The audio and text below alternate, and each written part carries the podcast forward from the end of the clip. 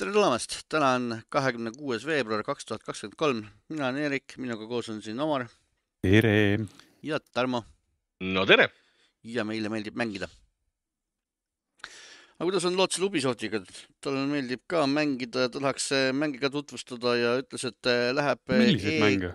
kolmele, no ikka seal on ju neli, neli mängu tuleb see aasta välja see, see Just Dance ja siis see imelik see X-Defiant ja oota midagi oli veel. Need on eraldi, need on veel crew, lisaks. Crew, Crew kolm ja, ja, ja. kolm, neljandat me ei tea mm. -hmm. mis, mis sa nüüd jutustad, ikka suured mängud olid, neli, neli suurt oli, Skull and Bones on ka väidetavalt üks see pole välja tulnud veel, oota, ära hõiska siin midagi.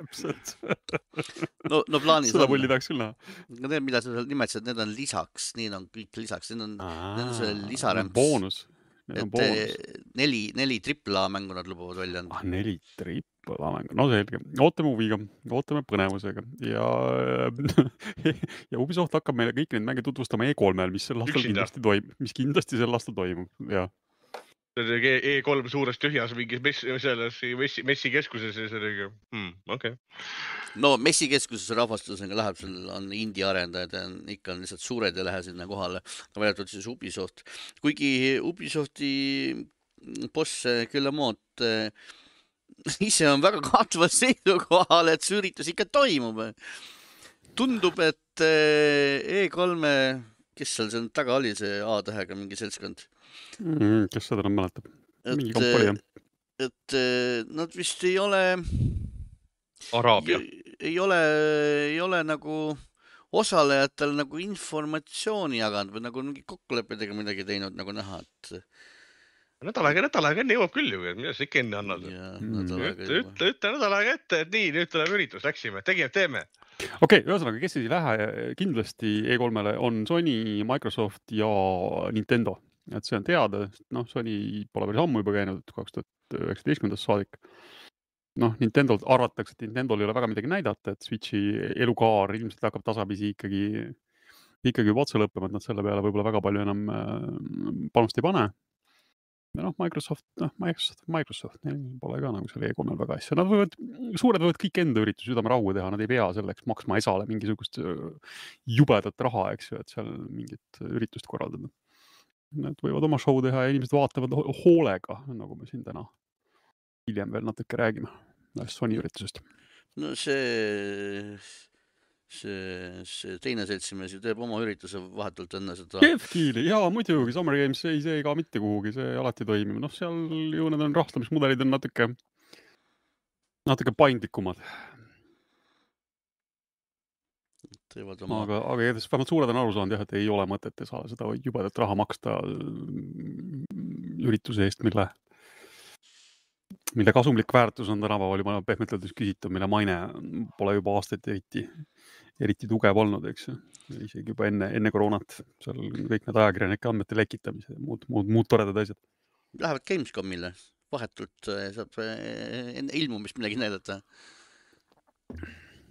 no selge, ühesõnaga jah, Gilmo siis äh, sõnastas selle kuidagi niimoodi, niimoodi naljakalt, et kui E3 toimub, siis Ubisoft kindlasti läheb, mis tekitas siis küsimuse, et kas Gilmol on alust arvata, et ei toimu.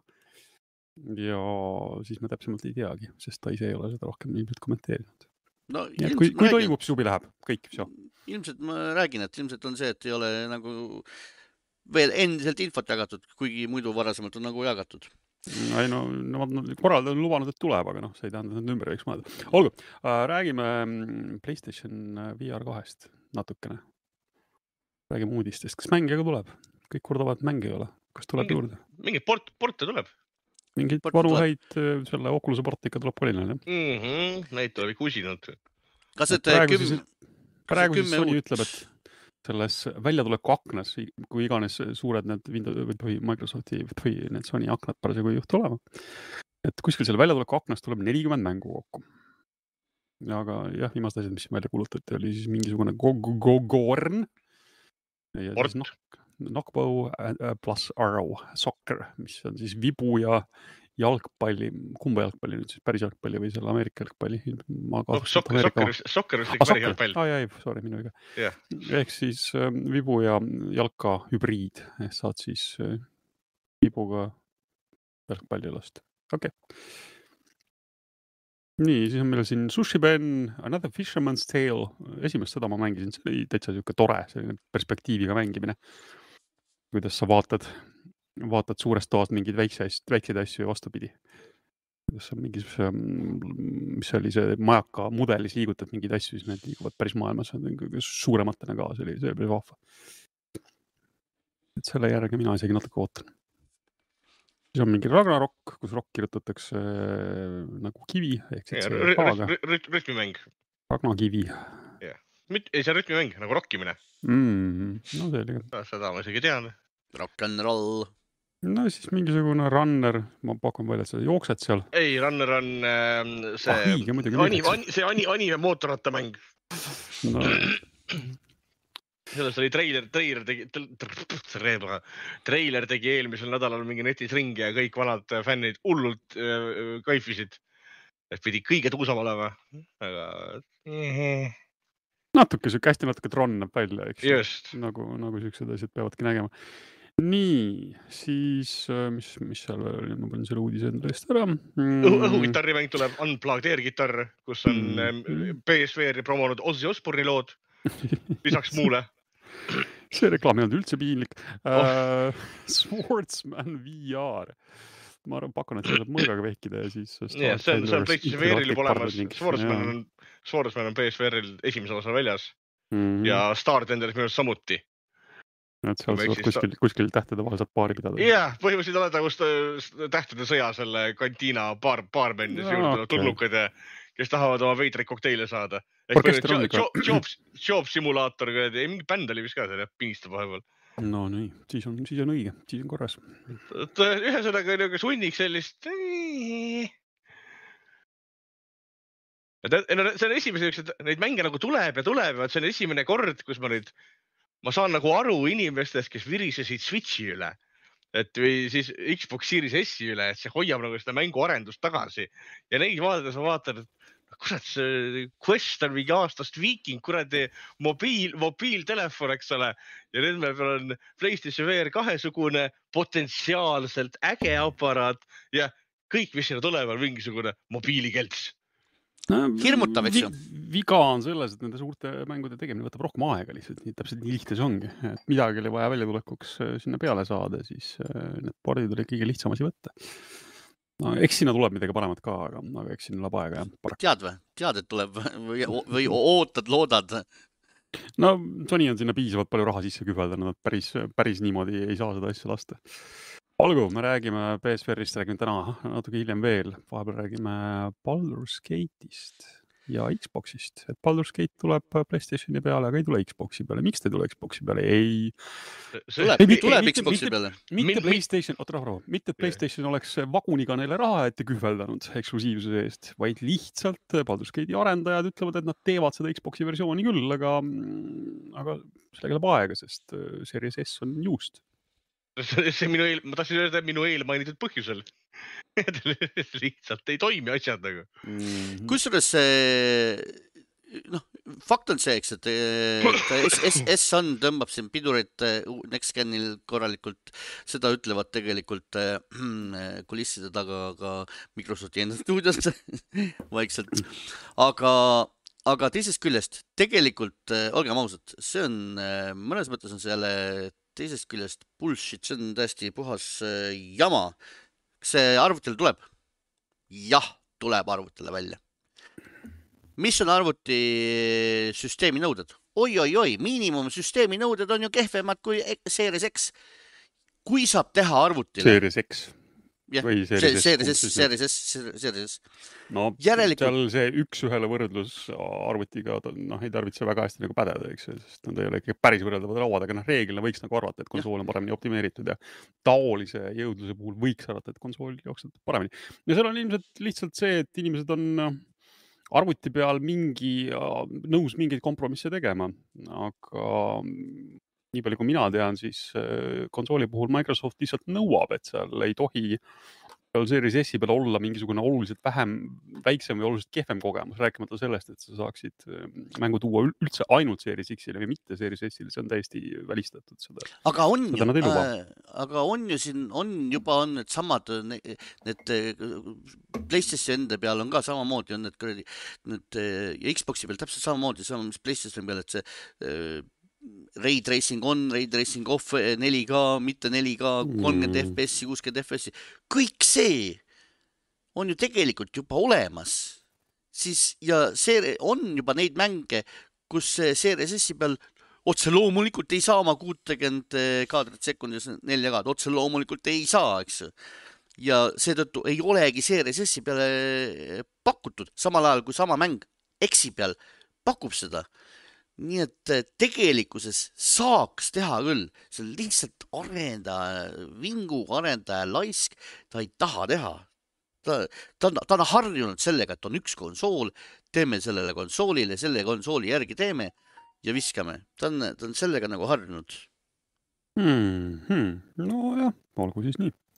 ühesõnaga tuleb millalgi tõenäoliselt, aga kas, kas, kas, kas ka kolmekümne esimesel augustil, see ei ole veel teada. Et Playstation viis ja PC siis saavad oma täisversiooni kolmkümmend üks august. et hetkel arvuti, arvutimehed saavad mängida seda early access versiooni, mis on põhimõtteliselt väljas, eks ole, saad mängu ära osta, saad mängida, aga ta ei ole veel täielik. aga siis kolmkümmend üks august peaks vähemalt ilmuma PlayStation viiele ja arvutile Mm. millal Mortal Combat kaksteist ilmub? millalgi see aasta, no näed nagu, nagu kõik muud kaklusmängud. tubli on. see tuli siis välja kuskil niimoodi mm, aktsionäridele anti siis mööda minnes siukest infot, ei mingit treilerit Jah., mitte midagi, lihtsalt tuli kuskil seal niimoodi finants aruannetest tuli välja, et ai ei, ärge muretsege, siin aktsiad, aktsiaga on kõik hästi, et meil tuleb sel aastal tuleb Mortal Combat kaksteist ja puha ja ah, oo, tuleb ja, aa ah, okei okay., hea teada. nii et nüüd siis teate kõik ja noh, lisaks siis muidugi tuleb Street Fighter kuus. Tekken kaheksa, mm. -hmm. ja Capcom siin rõõmustab ka äh, kõiki e-mängureid, et äh, tuleb turniir, mille auhinnafond on kaks milli ja sellest üks mill läheb siis sujuvalt võitjale. mis on noh, täitsa viisakas number tegelikult. aga nende kaklusmängude osas, et nagu et, äh, nüüd imestaks, kui Microsoft ütleks, et tuleb see Killer Instinct ka, eks ju. Jeer, ma ei saa aru, minul, minul tekkis see, see küsimus, miks? meil on nüüd eh, kaklusmängude fänne on niimoodi kuival hoitud, mitu aastat juba, Tarmo? no ikka on, ma ei, ei oskagi öelda, meil no, ikka kon. konkreetselt Mortal Combat tuli kaks tuhat üheksateist ehk siis neli aastat tagasi. ikka on omajagu. Need on nad ühesõnaga kuiva, kuival need kaklusmängude fännad on jumala ajast ühesõnaga välja viska, viska, siis üks ütleb, et nüüd sel aastal tuleb ja siis oh, kuulge, me, me, me toome enda oma ka, et paneme, paneme veel samasse ajavahemikku ka, eks see on veel kõige parem. et eh, konkureerime täpselt samale publikule oma, oma mänguga, ma, ma ei saa aru, kus see nagu loogika No, on. Erik, see ei käi päris niimoodi, et oi, näed, konkurent kuulutas enda mängu välja, et ai ei, ja me saame ka täpselt paras jah, niimoodi kolme, kolme kuu pärast saame valmis, et eks, eks need äh, ei no plaanid on ikka, plaanid on ikka vähe pikemalt tehtud, eks ju, et see arendustsükkel võtab aega, see on selge. push'i, push'i kuhugi mujale, push'i kohale, No, kuhugi mujale, ära no aga konkureeri kes- samale publikule. kes see järele tahab anda, ega kõigil on ka omad plaanid tehtud ja kõik see töö ja vaev, et tahaks kuskilt hakata seda raha tagasi ka kühveldama. ja no eks seal on natuke ka see, et vaata, kui kellelgi teisel tuleb, tuleb uus mäng välja, siis äkki need sinu vanad fännid lähevad seda teist mängu proovima ja äkki neile hakkab meeldima, siis on kehv lugu. Aga kui sa pa- paned sellesama enda sarja mängu, paned ka umbes samal ajal välja, siis sa tead, et need suured fännid lähevad ikka sina, sinu mängu peale, nii lihtne see ongi. Tulistamismängudega on täpselt sama case, iga aasta kõik viskavad omal kuradi sügisel, vaatad samasse kuusse veel järjest nagu viskavad ja siis nad pärast nutavad, et näed, see võttis konku-, see võttis mu mängijad ära. ära viska samasse kuusse, ära viska samasse ajaaknasse, pane kuhugi mujale, kuule suvel ei ole mitte midagi mängida, pane suveks. suvel ei osta keegi mänge ka, on ostavad ju Sony on demonstreerinud edukalt, Switch Mm. mm., Nintendo ja, ja Sony on edukalt demonstreerinud väga hästi müüb suvel. meil on siin äh, Sony eksklusiivmäng olnud küll, mis on äh, niimoodi vahetult enne suve või suvel välja visatud ja müüb nagu soe sai, nii et Nintendo'l on küll hea kombeks suvel alati asju välja lasta, et, et, et Nintendo ei ole jah seda suve otseselt peljanud. Nii et müüb. Nendel on oma, oma fännid juba olemas, vaata aastate pikkuste sarjadega, et nemad, nendel selle, nemad võtavad enda omad alati ära.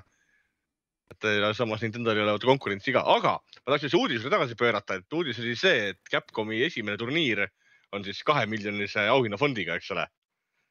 ja võitja saab miljoni. võrreldes sellega, et siis eelmine äh, Street Fighter nii-öelda või noh, eelmine see Capcomi Pro Tour ehk eelmise aasta sama võistlus oli auhinnafond oli kolmsada tuhat ainult. Kust tuleb tuhande, ühe miljoni seitsmesaja tuhande tõus arvelt? reklaami, reklaami no elavdust, täpselt, täpselt, ei, mitte turundusest, vaid siin ma arvangi just, et reklaami arvelt tuleb see. sest ähm, Street Fighter viis oli nüüd äh, see mäng, kuhu hakati neid reklaame sisse pikkima. et mis näitasid sellel äh, turniiri tasemel ja a la mängijate pükstel ja nendel näitasid erinevate firmade reklaame, saaks küll maha keerata menüüst, aga seda tehti. aga märk, et nüüd see summat kasvatati niivõrd jõhkralt, siis ma ootan huviga, kuidas Street Fighter kuus ja reklaamid omavahel läbi saavad. tuleb iga kord peale matši tuleb äh, sponsorreklaam. just, just täpselt, vot seda ma kardangi, et räägiti, et Street Fighter kuus peab, on väga hea, kõik absoluutselt need, et esmased äh, muljed olid super, aga nüüd mind huvitab, mis selle taga on. et kus see firma- konks on, et kõik Jah, ei, sest- ei saa sest- nii ilus olla ju, eks ei no firmad ei mõtle ju mängijate peale, fakt. ju. firmad ei mõtle mängijate heaolule, kindlasti mitte. vaid nad mõtlevad aktsionäride taskute peale. ja niimoodi seda kahte milli välja visata. Eeldab seda, et nad, et nende Excelis seal teise, teise rea peal seal plusspoole peal on vähemalt. Neli, vähemalt neli miljonit, Jah. jah, täpselt nii lihtne see ongi. et et aga lihtsalt mõtlen, et no saame näha, see on õnneks juba kuue, mingi nüüd juuni algul, kas oli kolmas juuni vist tuleb mäng välja või teine juuni või esimene juuni. iga, igastahes hetk peale lastekaitsepäeva peaks seda mängida saama. nii et ootan huviga. sellist, selliseid asju mulle meeldib oodata ja vaadata. Kas sa ootad huviga ka uut äh, Lord of the Ringsi filmi? sõrmust ei saanud juba, juba, juba, juba, juba tuleb remake'e. no võta. Embracer korjab. raha kokku. Embracer maksis kõvasti raha välja, noh kuskilt on see raha vaja tagasi teenida ka, nii et äh, nad on välja kuulutanud siis ja, et tuleb uus Lord of the Ringsi ehk siis film, no, tuleb vanade, tuttav, tuttavate tegelastega. jaa. Aga pigem jääb nagu mulje, et nad ei hakka Jacksoni klassikuid nagu ümber tegema, et see ilmselt äh, ei lõpeks väga hästi. siin oleks jube palju raha ka alla kütta, eks, et kes see viitsib ja kes see raatsib. Aga et äh, tuttavate tegelastega annab rääkida ka teisi lugusid. nii et eks saame siis näha, kas on tegemist eelloo või järelloo või, või mis No., mis asjadega. selles mõttes, et eh, positiivselt kas just teisi lugusid, aga ma olen vist ka varem siin saates rääkinud Lord of Ringsiga seoses, aga Playstation kahel ja ilmselt ka muudel konsoolidel, mina olen Playstation kahel just mänginud, ilmus selline rollimäng nagu Lord of the Rings The Third Age. Mis äh, räägib loo sellest, see on täiesti ametliku litsentsidega lugu, eks ole. see räägib loo sellest, kuidas äh, sõrmuste vennaskond paneb sealt äh, Rivendellist siis ajama, eks ole. aga kuradi agent Elrondile ja teistele elfidele tuleb niisugune mõte, et kurat, et see esimene sats äkki nad ei saa hakkama. Et Ja meil on saadavad- õnneks siin võtta see teine sõrmus, et saadame Ei. teise tiimi ka. ja, sa, ja saadavad teise tiimi järele neile. et, et juhul, kui kõik surma saavad, teie võtate see sõrmuse, viskate sinna kuradi lõkkesse ära, onju. ja, ja see RPG räägib selle teise tiimi seiklustest. nii et mina esimene, esimene tiim on nagu paralleelselt ja kõrval, kui sa näed neid sündmusi, mis nagu paralleelselt lähevad kogu aeg ja see noh, hästi pulli tehtud, see on sitaks mäng selles mõttes, et kellel iganes võimalus, mängige jumal küll seda. mm..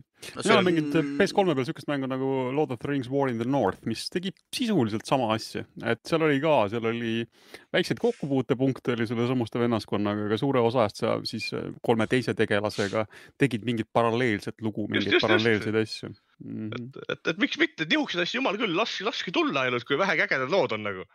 aga see on spoiler, sa juba tead ette, et nad fail ivad.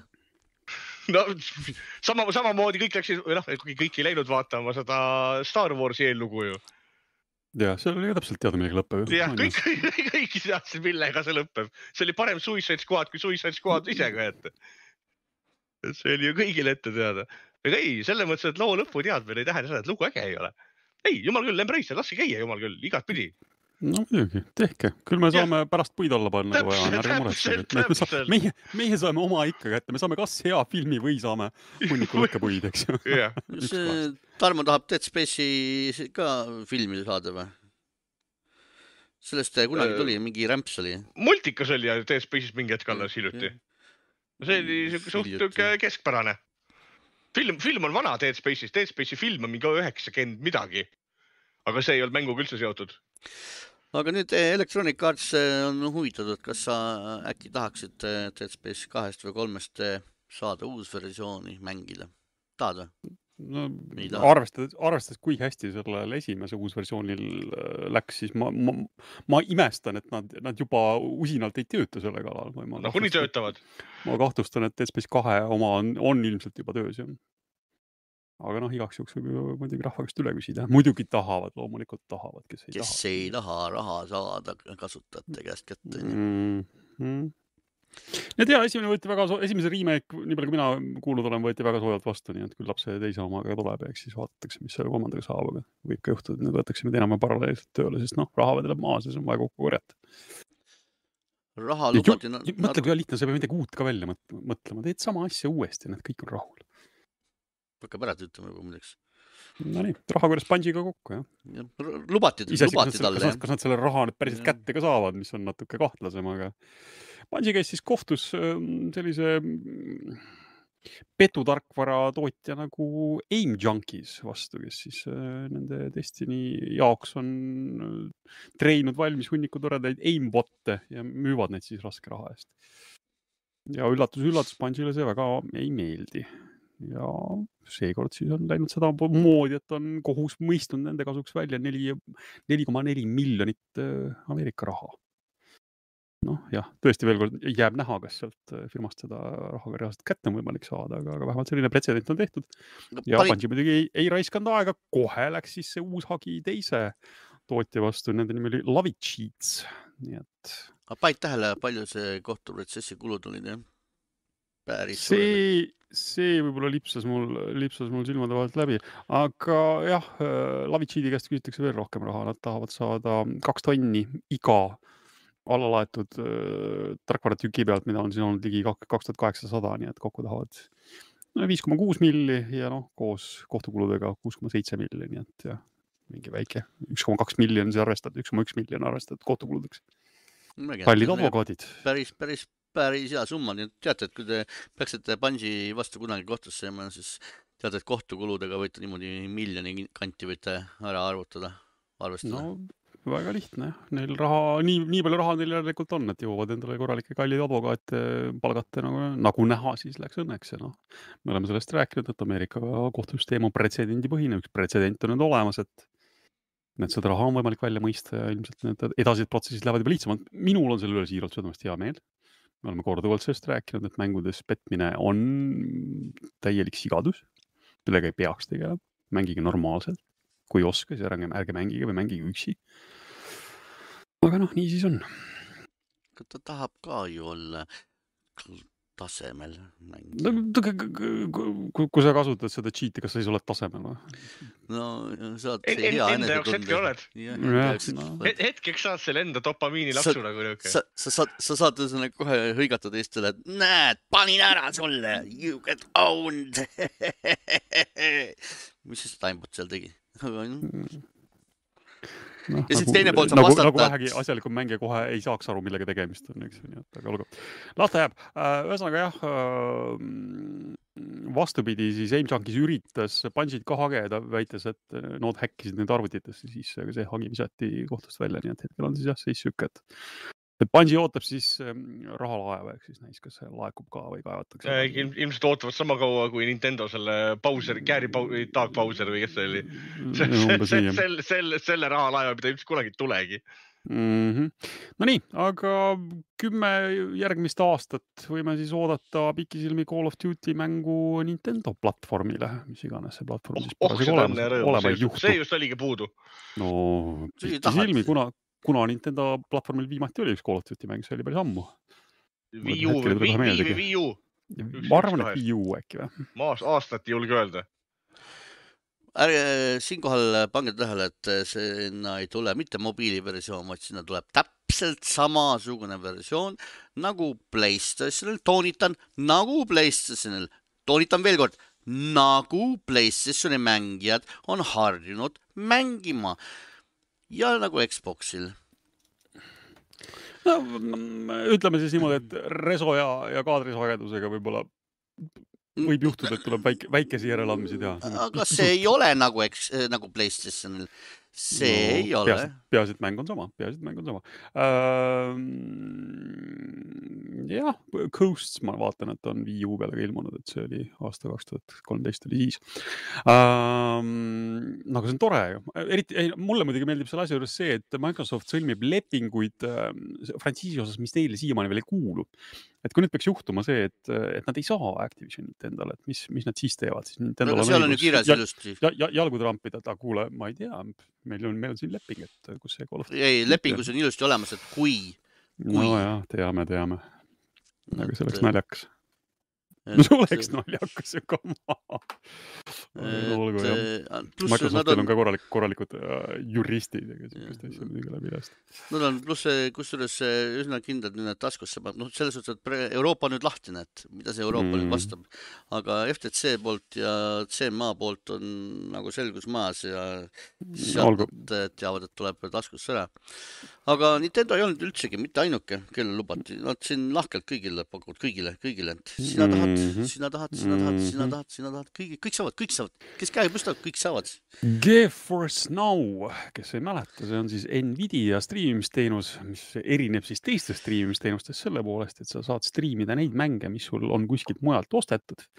Eeldusel, et äh, levitaja ja platvormi omanik on seda lubanud, nii et näiteks siis nii Steamist äh, Epic, oli Epic ka, ma ei mäleta, igatahes Ubi, Ubi äh, launcher, mis, mis neil seal olemas olid. Et juhul, kui mäng on toetatud, kui see on sul kuskil platvormis olemas, siis sa võid maksta Nvidiale väikest kuumaksu selle eest, et sulle eraldatakse kuskil pilves üks virtuaalne arvuti, mille peal sa saad siis striimida mänge, et seda, sellest me oleme rääkinud ka, ma kunagi proovisin, kui ma kui sellest tuli Androidi versioon välja, siis ma just mäletan, ma kunagi oma teleka peal proovisin seda ja see põhimõtteliselt töötas, väikese lag'iga, aga põhimõtteliselt töötas, aga jah, see mänguvalik oli seal suhteliselt sihuke kitsukene, sest, sest paljudel arendajatel, levitajatel on, on mingi teise striimiteenuse pakkujaga mingid lepingud sõlmitud. aga Microsoft, näete nüüd siis lahkelt on lubanud kümneks aastaks GeForce Now'le ka kõiki oma mänge kaasa arvatud siis äh, Activisioni omi, jälle samal tingimusel, et Activision peaks nende omaks saama. mis on mõnes mõttes natuke naljakas, arvestades, et Microsoftil on endal olemas noh, sisuliselt üks-ühele konkureeriv teenus aga no, no, no, no Nende, sarnane. Nendele, nendele väriseb plusspunkte selle kohtuasja suhtes nii no,. vot täpselt. muud midagi. seal see konks on. Nad, nad tegelikult ei, ei oleks seda andnud ju selle mõtte no,. täpselt. lihtsalt N Nvidia oli üks, kes seal mingil põhjusel midagi, mingi pirtsutas ja jonnis ja virises. mida ta jonnis ja virises, ma ei saa sellest aru. ja ma tõsiselt, ma tahaks seda lepingut, tõsiselt, ma tahaks seda lepingut näha, seepärast et ma tahan teada, mis see diil on, kuidas nad selle Nvidiaga sõlmisid, mida see tähendab, mida see konkreetselt nüüd tähendab? et see tähendab või, seda, et kõik mängud, mis välja tulevad, kui sa oled ostnud endale kuskil mingil platvormil, siis sa saad neid GeForce Now peal mängida uh,. küss tekib nüüd muidugi selles, et kui, kui, kui sa mängid neid mänge Gamepassis, kas sa siis saad Gamepassi, no sellel, sellel ei oleks nagu mingit mõtet ju sest noh, siis kui sul on juba Gamepass, siis sa võid sama hästi neid mängida X-Cloudis, eks uh,. oota, aga kas uh,, kas striimimine oli, aidake mind nüüd ree peale, ega ma ei, ei tea, Gamepassil on, kas, kas striimimine oli ainult Gamepass Ultimate'is või? jah yeah. ainult Ultimate'is. okei okay., nii et põhimõtteliselt, kas on see variant nüüd äkki võimalik, et sa võtad endale odavama Gamepassi ja siis striimid neid GeForce Now's või? see on kallim variant ju GeForce Now vanasti oli, äh, vanasti oli neil tasuta tasuta versioon ka kusjuures olemas, ma võib-olla on siiamaani, äh, kus, kus ma ei tea, ootejärjekord võis olla pikem ja reso oli kehvem ja nii edasi ja. ja tasuta versioon ja... pakkus ainult äh, konkreetset portsu mänge ja jah mm, -hmm. oli see ootejärjekord ja blablabla bla, bla, muu asi. tasulises versioonis, mingil hetkel maksis ta umbes viieka kuus. ma ütlen ausalt, ma ei ole sõrme pulsil hoidnud, et ma hetkel ei oska teile puusalt öelda, mis ta praegu maksta võib, ma saan selle muidugi järele guugeldada, kui. päris kallis oli see ikka, päris kallis. millestki muust räägivad et see Nvidia asi oli nagu väga kallis, sellepärast nagu mõtlengi, et, et see on nagu mis see nagu point on, maksad selle Xbox'i stub'i ja siis maksad uuesti Nvidiale või? et see nagu kõlab nagu väga-väga imeliku ja kahtlase no,, kahtlase tehinguna. võib naljakal kombel juhtuda, et sa tahad äkki mängida ka mõningaid muid mänge kui, kui Microsofti omad, et siis on sellel asjal nagu mingit pointi vaata. noh, jah, ka. kui sa tahad mängida midagi, mida Gamepassis ei ole noh, vaatab, noh jah, samas ühesõnaga, kuna näiteks Steamile niikuinii annavad, siis nad ühesõnaga peavadki võib-olla silmas äkki, äkki lõppkokkuvõttes peavadki silmas seda, et kuna Steam'i tuleb, eks ju siis äh, lihtsalt samast ongi see Nvidia Steamist, striimid mhm. seda ma räägin hästi kiiresti selle GeForce Now hinnastamise siis ka ära, et jaa, tasuta tiir on endiselt olemas, siis on sul mingisugune juustarvuti järje, järjekorrad ja kuni, kuni ühe tunni korraga saad mängida, siis, siis katkestatakse ära, siis pead nagu uuesti mängu üles võtma um,. on olemas selline asi nagu Priority, mis maksab kümme eurot kuus või, või viiskümmend eurot poolaastas, kus on siis mingisugune RTX videokaardiga arvuti ja prioriteetne ligipääs ja kuni kuuetunnine sessioon ja reso on siis kuni tuhat kaheksakümmend B kuuskümmend FPS-i. ja sa võid maksta kaks korda rohkem ehk kakskümmend eurot kuus või sada eurot poolaastas. seal on siis arvuti, millel on Geforce RTX kolm tuhat kaheksakümmend Äh, kuni kaheksatunnine mängusessioon ja kuni 4K sada kakskümmend FPS-i reso. Vau, nad on hinda langetanud. Ikka päris, ei kallim, langet lõpetajat ära ei jah, hinda on langetatud, see oli ennem kallim. kallim küll olnud. oli, oli, sellepärast, et, et ma võrdlesin seda kogu, juba tookord, kui sa seda tegid, siis ma võrdlesin seda eh, veel Xbox'iga ja vaatasin, et Xbox'i omast oli kallim keskmine tier mingil ajal raudselt maksis viieka, aga jah, praegu siis on jah, keskmine on kümme ja, ja kallim on kakskümmend. olgu ähm,. aga sealt ürituselt, ürituselt äh, oli seal igasuguseid äh, muid asju veel, noh, põhimõtteliselt äh, käis siis nagu ülekuulamine, Microsoft nagu rääkis, et mis värk on ja kus värk on ja siis ta lehvitas oma selle lepinguga seal korduvalt, eks, et näed, siin on kümneaastane leping. Sonyle siin ootab Sony allkirja, Sony ei taha anda, Sony ei taha siia allkirja anda no,, sest et see Sonyl on, see... on vähe pikem plaan kui kümme aastat ja Sonyl on muidugi kindlasti ka see mure, et kui kõik mängivad Call of Duty't Microsofti Gamepassis, siis kes, kes, kes see tuleb nende hoovile selle eest kaheksakümmend eurot maksma, see peaks segane olema. praegu hakkab ma saan, ma saan Sony, Sony muredest ka muidugi natuke aru jah, aga noh teisest küljest on. muidugi ei meeldi see, et nad Activisionile ostavad, loomulikult ei meeldi. teisest küljest on see, et kui nad praegu sellele lepingule all äh, ei kirjuta, siis pärast seda lepingut, kui see tehingud heaks kiidetakse, siis pärast ju seda lepingut enam ei ole neile seda lepingut enam no, ei pakuta neile. Microsoft on ju öelnud, et nemad on huvitatud sellest, et kõik ja. saaksid, kõigil platvormidel saaksid neid mänge mängida. jaa, aga, aga. see oleks siis nende enda sõnade söömine, kui nad siis Sonyle ütleksid, et teate, aga nüüd ei, enam ei saa. ei, ei, nad ei, nad ei, ei ütle, et eh, Call of Duty ei tule Playstationile, nad ei anna lepingut enam lihtsalt no ühesõnaga, vahet pole, kui teised platvormid saavad kümneks aastaks, no ega neil ei ole väga suurt mõtet siis ka äh, Playstationit nagu ilma jätta, eks, kui teistega see leping juba tehtud no, on. selles suhtes praegu on äh, Sonyl äh, olemas noh, on, on võimalik mängida lepingut, paremat lepingut endale kui pärast. Et see point on nagu hetkel, et hetkel on neil võimalik saada parem leping omale kui nad eh, pärast saaksid. ei ma ütlen, mina, ma, kui ma nägin seda lepingut, üldse lepingute juttu esimest korda, siis see oli täpselt see, nagu meil kooli ajal oli kombeks, et anna mulle viis eurot, siis ma ei peksa sind kuu lõpuni umbes nii jah. see on mõlemat pidi sitt eks ta on. nagu reaalselt mõlemat pidi sitt diil nagu no kuulge, kuulge. kuna, kuna tõenäoliselt heaks kiidetakse anyway, siis nagu, nagu on ikka selles suhtes on parem siit.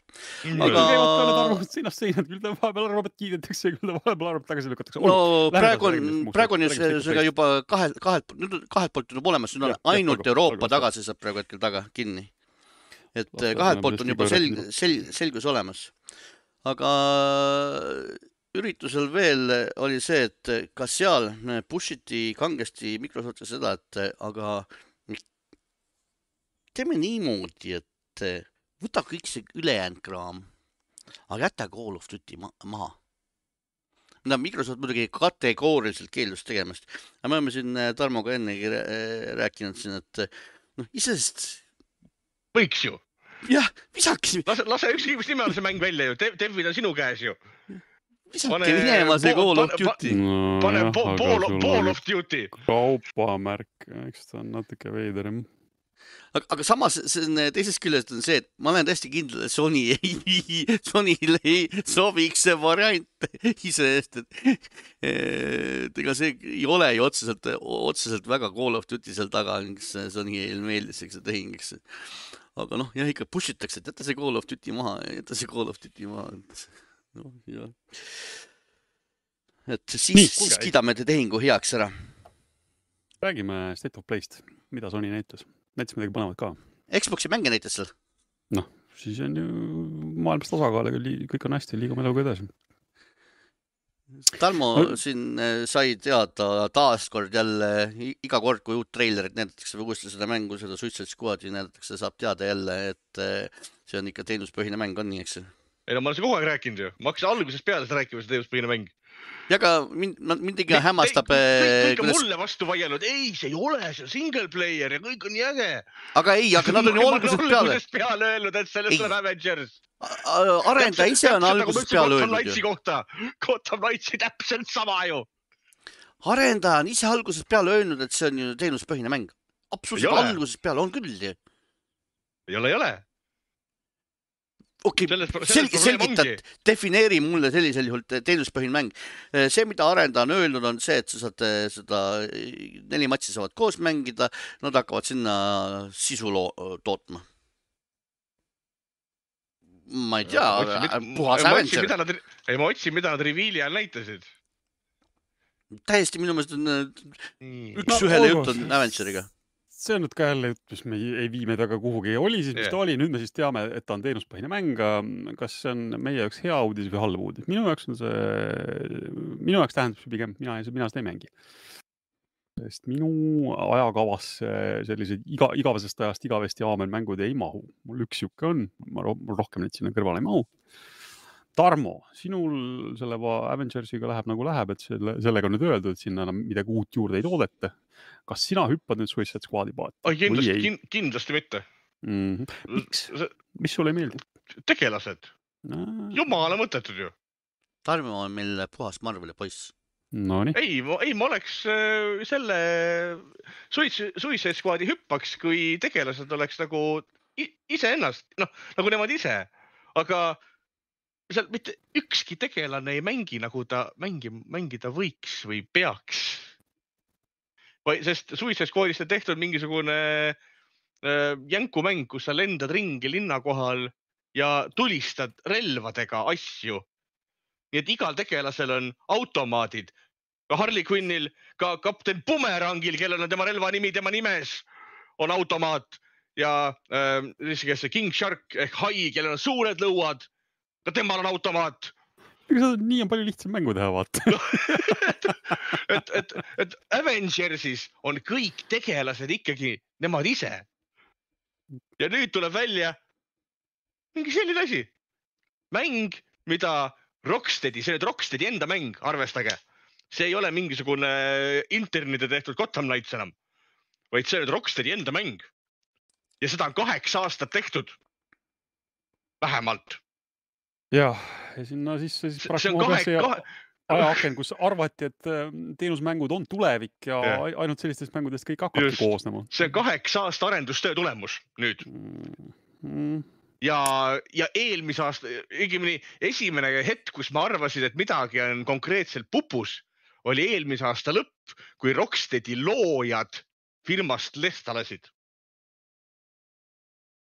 või põhimõtteliselt firma juht ja tema teine see parem käsi firmast lahkusid, see oli eelmise aasta oktoober või november või? siis oli esimene kord, kui ma mõtlesin, okei okay,, nüüd on midagi pekkis.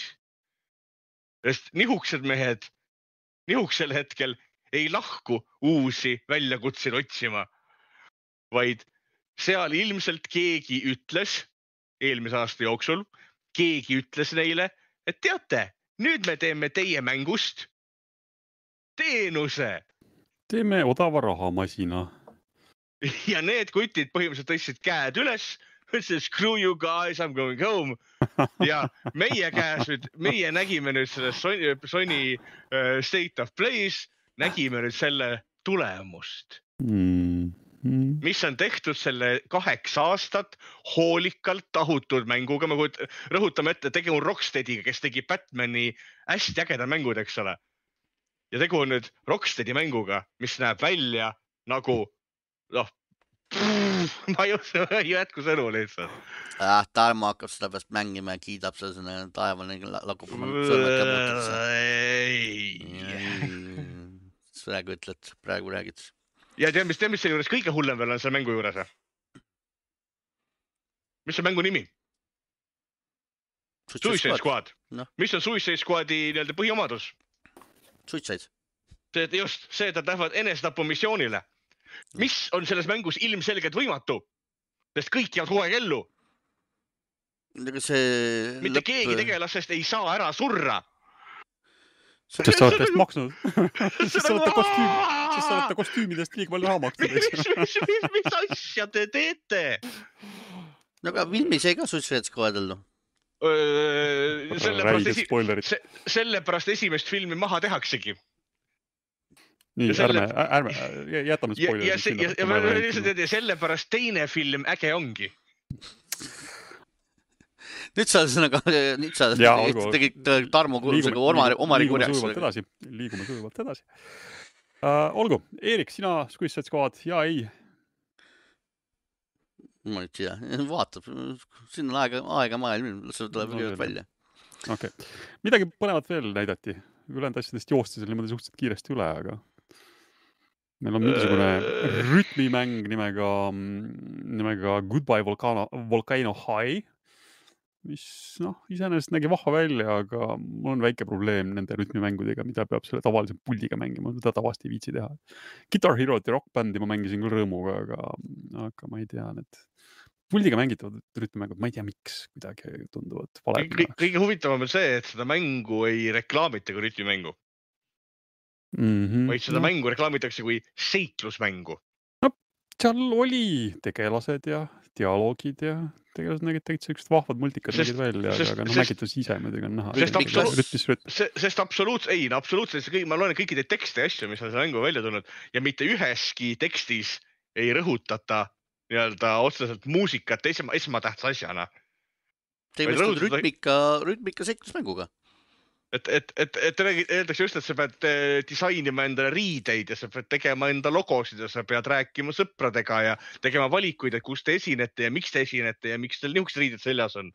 ja on- alles siis mainitakse muusikat. Aga võib-olla mul jäigi treilerist lihtsalt vale mulje, sest No no, täpselt. näiteks, näiteks siuke mäng oli ka nagu Night in the Woods, kus sa mängisid suuremas ajast, mängisidki seiklusmängu ja aeg-ajalt siis paar korda mängu jooksul nad tegid bändi, siis pidid rütmi- rütmimängu mängima. pluss siis, pluss siis seal oli mingi dungeon crawler oli ka veel sees, mida, mida võisid ka mängida. see, mida, see, mida Tarmo räägib, see ei ole ju mingi seiklusmäng, see on management mäng ju. Manageeritav seiklus. no olgu, välja näeb tegelikult vahva, mulle see siuksed mm, põnevad loomalaadsed tundusid nagu ägedad, aga, aga kuidas see mängitavus on, eks seda saab näha. Destiny kaks äh, lisavak nimega Lightfall tuleb meil varsti-varsti välja, et seda näidati näpuotsaga, keda Destiny kaks kõnetab, ootab seda kindlasti pikisilmi. juba eelpool mainitud Baldur's Gate kolme näidati meile natuke kas Eerik oli meil äkki Baldur's Gate'i fänn või ma mäletan valesti või? mina olen neid mänginud jah, nii, ja mis tundeid see kolm sinust tekitas? ta tuleb välja. aga treiler tõmbas käima, ei tõmmanud käima. nii ja naa. käib kah. okei, Nonii, siis oli mingi seiklusmäng nime, nimega Chia, mis oli ilus ja värviline ja, ja noh, väga tore. Inspireeritud Uus-Kaledooniast jah, selline Lõunamere saarel tundus see tegevus toimuvat. Naruto Boruto Ultimate Ninja Storm Connections. Tarmo, oskad sa selle kohta midagi kommenteerida? Ehm, seal on absoluutselt kõik Ninja Stormi mängude lood ja tegelased kokku miksitud, nii et kui te neid lugematuid mänge mänginud olete, siis õkva, laske käia. Ja muidugi Street Fighter kuus, mis nägi välja nagu Street Fighter. oi, see nägi palju, see nägi välja palju parem kui Street Fighter. et e- esiteks me oleme juba rääkinud, et seal on mingisugune avatud maailma element, kui ma nüüd vähegi õigesti mäletan jah. Mhm, üks- üksi mängija osas. mõne teise mänguga nüüd segamini jää. ja siis äh, jah, sai siis ka- kakelda jah. ei, see Street Fighter kuus näeb äh, niivõrd äge välja ja kui vaatad neid pisikesi animatsioone, mis seal on. et a la noh, justkui seda Zangifi näidati, siis kuidas ta ühe tegelase jalga pareerib niimoodi, et ta lööb käega, lükkab tema jala kõrvale ja võtab ta nii-öelda haardes seda wrestler, eks ole, onju. siis see oli nagu niuke, et ossan nuis, kus sa niimoodi seal ikka vaeva nähtad ka selle animatsiooniga. et nagu pisikesed asjad on nagu nii tuusad seal. Mis teevad selle mängu ilmselt üliägedaks. mis aga mulle muidugi noh, meeldis rohkem, oli see, et Cam'i on tagasi, et see on juba terve internet läks Cam'i peale katki. Cam'i on siis see viimane blond neiu, mitte see lapseohtu pruuninahaga tüdruk, vaid äh, Cam'i tegi kohe niisuguseid poose, mille peale kogu internet väga januseks ja näljaseks muutus. et noh, teda ma tean, et ta on ka meie Mihkli lemmiktegelane, nii et ma saan aru, et viies siis Cam'it ei olnud jah? minu min..., kas ma ei mäletagi, minu arust mitte. ma viite ei ole absoluutselt eriti mänginud, kuna viis peletas mind suht alguses kohe eemale. nii et, aga ma ütlen, et kuute ma nüüd ootan, ootan huviga. Nonii, aga nüüd me siis jõudsime ringiga tagasi Playstation VR kahe juurde. Eerikul on, Eerikul on küttepuud juba valmis, juba hirmu teravaks ja ära pänd juba kuskil. ta, Tarmo, Tarmo, maja taga ja sinna tuuakse ikka autorehve peale veel ka, et kulinal. Tarmo räägib meil täna ühesõnaga oma PlayStation VR kahe kogemusest õnneks. ei, see on kuskil Euronixi laos siiamaani, endiselt ei midagi jah. Selline kogemus absoluutselt null. Mhm. no mul läks vähe paremini, ma tellisin ühest teisest kohast. no võime siis juba No, öelda ka. tee reklaami ka juba siis juba. et mitte Rassast tellisin, ehk siis Sony tsentrist tellisin puhtjuhuslikult mina enda oma lihtsalt selle põhjusel, et nemad pakkusid tasuta kohale saatmist ja mul läks vähe paremini, et, et äh, päev pärast välja tuleb kuupäeva kahekümne kolmandal saan mina enda oma kätte. et õigeks ajaks kätte ka veel. Sa tahad, sa tahad ikka rääkida kõigepealt, miks ta nii halb on ja siis mina räägin, miks Ei, ma ma-, ta- miks ma ei arva, et ta halb on. ma tahaks äh, su käest küsida, et viisid poodi tagasi juba või? nädalavahetusel nad ei saanud, eks ju. ei, ei viinud.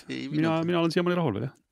Aga räägi, milles see probleem siis on, ma ütlen ausalt, ma ei Tarmo Tarmo on tegelikult seda äh, lugeda. paremini, kursis kui mina. ma lasen siit äh, kiiruga põhipunktid üle, et äh, esi, kõige esimene, kõige suurem probleem, millest äh, mina aru sain, tähendab, kõigepealt mina üldse esimese hooga üldse imestasin, et mis värk on. et äh, miks, miks on juba olemas PlayStation VR kaks kasutatud poes, eks ju, sada eurot odavamalt et mis värk on ja siis Tarmo ütles, et aga vaata, mine piilu sotsiaalmeediatesse, kisa on taevani raisk. ja oligi.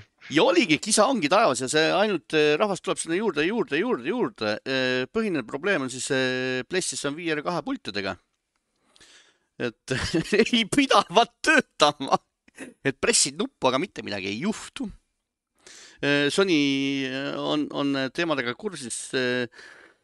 On lubanud siis eh, siin asjaga tegeleda ja tegeleda vaid seal midagi see olema, et kui, kui sa puldile hard reset'i teed, siis ta hakkab tööle kuni järgmise taaskäivituseni. mitte, mitte kõikidel juhtudel on inimesed, kes ütlevad, et ei, ei hakka tööle, et siin neid soovitusi on mitmesugused, et soovitatakse siin, kus see soovituste nimekiri oli? No. olen nagu vahele jätnud kuhugi. Ühesõnaga siin soovitati, soovitati mitmesuguseid asju, et jah, et kas see kõige lihtsam on kohe, et eh, jah, reset'i teha, eks ju, siis lihtsalt näiteks peksta neid nuppe nii kaua, kui tööle hakkavad, eks ju. mm,. see on alati hea lähenemine. no ma ei tea, no jääb mingi lootus, et selle saab ehk tarkvarauuendusega korda, kui nad seal välja mõtlevad, milles see probleem. Ei, mul- ma- ei, mulle tundub, et- tõsine riistvara probleem ei ole. ei, mulle tundub, et seal on kuidagi sama probleem, mis minul on selle ühe puldiga nagu päris selle DualSense'iga. Sest äh, äh, puldid pidid väidetavalt menüüs töötama, aga mängus iseenesest lõpetavad töötamise. mm,. põnev, no see kõlab küll konkreetselt tarkvaralise probleemini. aga, aga samamoodi menüüsse tagasi saad minna, et see Playstationi nupp jääb tööle see on täpselt sama probleem, mis on minul selle ühe puldiga, kus me Playstation arvab, arvab kogu aeg, et ma hoian äh, neid trigger'id all kõl- see kõlab jubedalt sama, sama, sama süsteemina. et, et, et kas on kuskil on mingi tarkvaraline viga sees, aga see on huvitav, et ainult osadel on või on lihtsalt osadel sees mingisugune praakdetail. Nendes See- nendes kuradi trigger ites. okei. no see, et ta mingil hetkel töötab, mingil hetkel mitte, see mina, mina kõlab saan, nagu natuke kahtlaselt, aga no mina saan ka enda oma tööle, kui ma neid kange natuke ülespoole tirin. mina saan No, endal hetk, okei. hetkes puldi tööle, kui ma võtan nendest triggeritest kinni ja tõmban neid füüsiliselt raksake ülespoole. Siis ta hetke töötab umbes kümme minutit ja siis ta nagu pff, laksatab uuesti ära kuidagi. et ma ütlen, et ma ei tea, mis seal on, aga mida, mingi kamm kuskil on. no okei okay., kamm on. Sony lubab ühesõnaga tagasi garantiisse võtta. just. ja Sony- nõustus sellega, et jah, aga sorry, me ei müü teile uusi pilte, et noh, neid eraldi osta ei saa. aga siis kurdetakse, nagu ma aru saan, siis inimesed kurdavad, et udune on. no ei tea, tehke silmad puhtaks uh,. sinul ei olnud probleemi, ei ole? Ta on niimoodi, et kui sul ei ole peaseade päris õigesti peas, et üks hetk oli jah, ma korraks tõmbasin ta eest ära, et midagi vaadata, seal ei ole tegelikult vaja, siis saad sellest seadmest läbi vaadata, aga no tõmbasin korraks eest ära, tõmbasin kehvasti pähe ja siis, siis parasjagu keset võidusõitu käed olid rooli täis. siis ma nägin küll jah, et, et, et on nagu kehvakene. aga, aga kui seda korralikult endale pähe sätid õigesti silmade ette, siis ma ei tea, no ei olnud nagu probleemi. no jah, võib-olla ei olnud nüüd nii imeliselt kristallterav see pilt, kui ma, kui ma ootasin, aga. kas, kas, kas ta oli the new real või? aga, nagu Sony seda reklaamib. aga võrreldes äh, PSVR ühega, mul on see häda, et mul ei ole väga palju rohkem võrdlusmaterjali. Et ma olen jah, HTC Vive'i ma olen kunagi näppinud, aga no see, sellest on ka juba päris mitu aastat, nii et ega ma ei, mul ei ole väga nagu millegagi võrrelda. ta on kindlasti ja teravam ja parem kui, kui esimene Playstation VR, aga noh, ta päris, päris sama terav kui elu võib-olla ei ole jah. siin ühes, ühes osas süüdistatakse, et miks üleüldiselt nagu võib udune olla, on olevat süüdi oled ekraan ja siis mingisugune difusioonifilter, mida näiteks äkki Sony kasutab, et eh, pilti siukseks eh, pehmemaks muuta. et Need süüdistatakse seda asja ma niimoodi vilksamisi vaatasin sinna sisse, mulle tundus, et vaatasin nagu Fresneli läätsed vastu.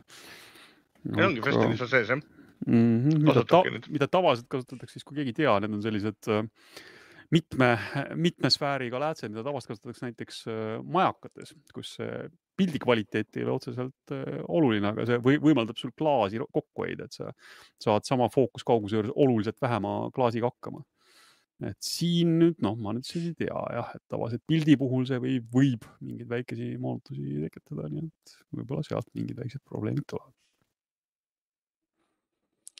nii, Tarmo, mis seal veel oli, seal aa, mingi müra pidi olema, et, et eriti kaiaki eh, VR mängijad siis eh, nagu kohe, kohe näevad seda eh, pimedates stseenides, siis põhimõtteliselt on siuke see, see, see pimedas, vaid, pimedas on see, vaid see on see nii-öelda muraefekt, mis tähendab seda, et, et mis on Oledis on eriti märgatav, on see, et äh, kui äh, Oledis on must, eks ole, on päris must, onju, oma Mhm. olemuselt, aga äh, videomängudes või no mustas värvis kõik pikslid, mis kõrvuti on, ei ole alati mustad. et isegi kui ta peab olema must, on ta mingi varjund, ta kas hall või on ta mingisugune muu ja nüüd seal Oledide peal, kuna see must on nagu hästi tume, paistavad need teist värvi pikslid palju paremini välja. ja siis ja tekitab niisugust nagu hägu lihtsalt ekraani peal, et sul ei ole nagu niisugune, ta ei ole selline ühtlane must öö näiteks öises stseenis, vaid sa näed niisuguseid imelikke nagu säbrulisi laike või selliseid asju, et seda, seda on ka teiste headset'idega näha, aga väidetavalt Oled ekraanidega pidi see eriti hästi näha olema. väidetavalt aga, aga, eh, aga see on ka niisugune asi, mida sa näed siis, kui sa seda otsima hakkad, kui sa oled seal mängus sees, sa ei pane seda tähele.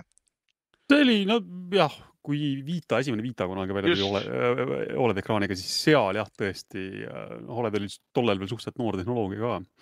Et seal võis neid otsi-, ots-, kui otsida, siis äh, enamasti nägid ka jah. aga Sina- vähemalt siiamaani. sina ei ole märganud? ta ei ole mind häirima jäänud, jah, kui ma nüüd otsima hakkan, ma ei tea, võib-olla siis. rikume, rikume me Omarile asja ära, aga need lühi- lühikesed hetked, mis noh, Gran Turismos näiteks seal sõitude laadimise ajal on seda musta ekraani, sa näed nii, nii vähe, et pidi olema hästi näha selle kajaki puhul ja pidi olema selle Horizoni sissejuhatuse ajal, see on mm. -hmm. nähtav. aga No, siin osad inimesed räägivad, et see sõltub ka peaseadmest pidi sõltuma, et osadel pidi olema see Kindlasti. tugevam, osadel pidi olema see nagu vähem märgatavam. kindlasti seal sõltub konkreetsest, konkreetsest ekraanist, kuidas, kuidas tal tootmine õnnestunud on, ilmselt sõltub ka sellest, kui heledaks sul see pilt keeratud on või kui tumedaks, nii et. Nonii, mis, mida siis veel kurdetakse? kurdetakse topeltkujutuste üle, selle üle siin mõnel pool. no see on muidugi niisugune asi, et mida keskmine inimene ilmselt tähele ei pane, aga näiteks Omar võib seda tähele panna ilmselt. kuidas sul äh, Grand Turismos jäid mingid topeltkujutused silma, ei, ei, ei jäänud? Kui ma auto külje pealt või, või, või, või, oli see nende replay'de või järelvaatamise ajal, kui autod kiiresti mööda sõitsid, mäletaks, kas umbes sel hetkel, kui ma, kui ma näiteks proovisin au- autot peaga saata, eks ole, järele vaatasin, siis ma natuke nagu midagi nägin küll. see auto, auto, see autode küljed vaatamise kus- kusjuures ära seletatud, miks ta niisugune on see on äh, tegelikult, sest äh, sa autos nii-öelda sellest äh, seest vaates seda ei näe, aga tegelikult Gran Turismo seitsmes peegeldused autode peal on kolmkümmend kaadrit sekundis. okei, see, see, see seletab selle täiesti ära, et kui muu mäng liigub sujuvalt, eks ole, kuuskümmend kaadrit sekundis, siis peegeldused on kolmkümmend kaadrit sekundis ja siis on näha selline lüksumine, et nad jäävad nagu maha natukene. aga iseenesest jaa, Gran Turismo seitse jooksis väga-väga toredasti ja oli, oli väga vahva elamus. no sellest me veel täna räägime. ja siis noh, ma ei tea, kui viga see on, noh, mingil määral võib-olla on disaini viga, eks no,. pidi olema ka see probleem, et suuremad inimesed, suuremate kätega inimesed, et ei sobi. käsi, käsi mu rongist läbi või? mitte ei, ei, ei mahu läbi, vaid eh, kui ta läheb sealt läbi, siis ta ei pääse nagu põidlaga seda kangi vajutama või või noh, neid nuppe niimoodi Nad, vajutama nad, nad vajutavad nuppe valesti tegelikult, ma hakkasin pärast vaatama, et need, kes selle üle kurdavad, need äh, on harjunud nuppe teistmoodi vajutama. et kui mina vajutan nuppe, mina vajutan nagu sirge pöidlaga. aga mul on ka paar sõpru olnud, kes ja noh, noort noortekeskuseks vajutavad pöidla otsaga nuppe okei okay., ja need, kellel näpud ei mahu ära, on harjunud pöidla otsaga vajutama nuppe, nii et kui ta pöidla kõveraks ajab, siis see läheb selle võru vastu. See Et tundub see on- suhteliselt loogiline. jah, et see on selles mõttes, et see on niisugune pigem otseselt ei ole puldi probleem, vaid pigem inimeste harjumuse probleem. probleem, see on ikka väga imelik vajutada. seda on võimalik ümber, ümber harjuda. ma pigem vajutaks ka ikka põidlaga, mitte, mitte mingi seal mingi põidla juurega. väga imelik. käe, sa vajutad ju siis nagu pigem, pigem juba käega. ma just nagu mõtlen neid pilte, mis ma, mina vaatasin seal, et kui ta lükkaks selle pöidla sirgeks, siis ta vajutab juba käega põhi- põhimõtteliselt. ikka Pöidla otsaga võtad. ei noh, pöidla otsaga, küsimus on selles, kas pöidla otsaga või, või pöidla küljega, mina vajutan küljega, eks või noh, mis küljega, aga noh. küsimus on jah selles, et kui, kas sa keerad sõrme selliseks konksu, et seda nuppu vajutada või mitte, eks ju. kas sa vajutad sirge sõrmega või konksus sõrmega, seal see, seal on see vahe. võta pulk kätte vaatan ja pulk kätte ja vaata nüüd, kuidas sa nuppe näppe hoiad seal, eks ole. minu, minul on pöial põhimõtteliselt sirge, kui mina mängin mm. -hmm. sama siin. -hmm. hästi-hästi tillukese kalde all, aga nendel on nagu täiesti niuke, et pö- pöial on üheksakümne kraadise nurga all. no see üks, kes seal on neid pilte ja see ka, siis no vaeseke sellega seal ongi midagi, vaata seda, kus see pöial oli, et seal nagu ei olnudki tal midagi teha. olgu, aga selles mõttes inimest häirib, kisa ta tuli, kisa oli. ja ta, ta ei olnud ainus, teised kisad olid ka, aga siis äh, sina lülitasid omal tracking'u sisse, Omar,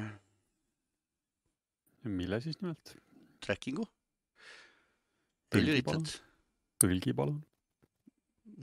Tracking'u mina Äh, ei pannud, mina, ei, mina, see- mina, mina võtsin äh, seadme Selle välja, tegin äh, selle läbi, mida, mida Playstation tahtis, ma teeksin ja siis hakkasin mängima, ega ma rohkem ei süvenenud.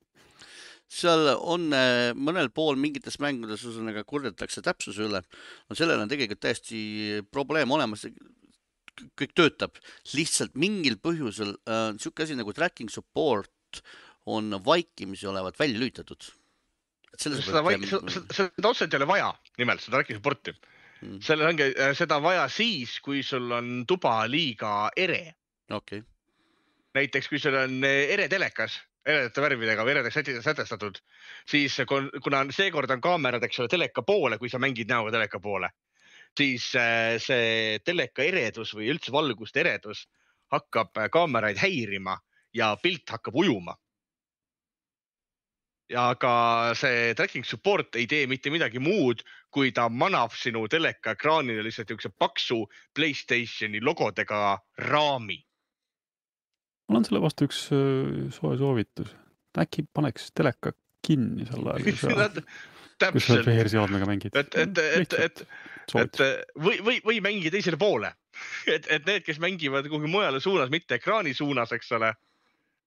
Need, äh, need seda probleemi ei koge.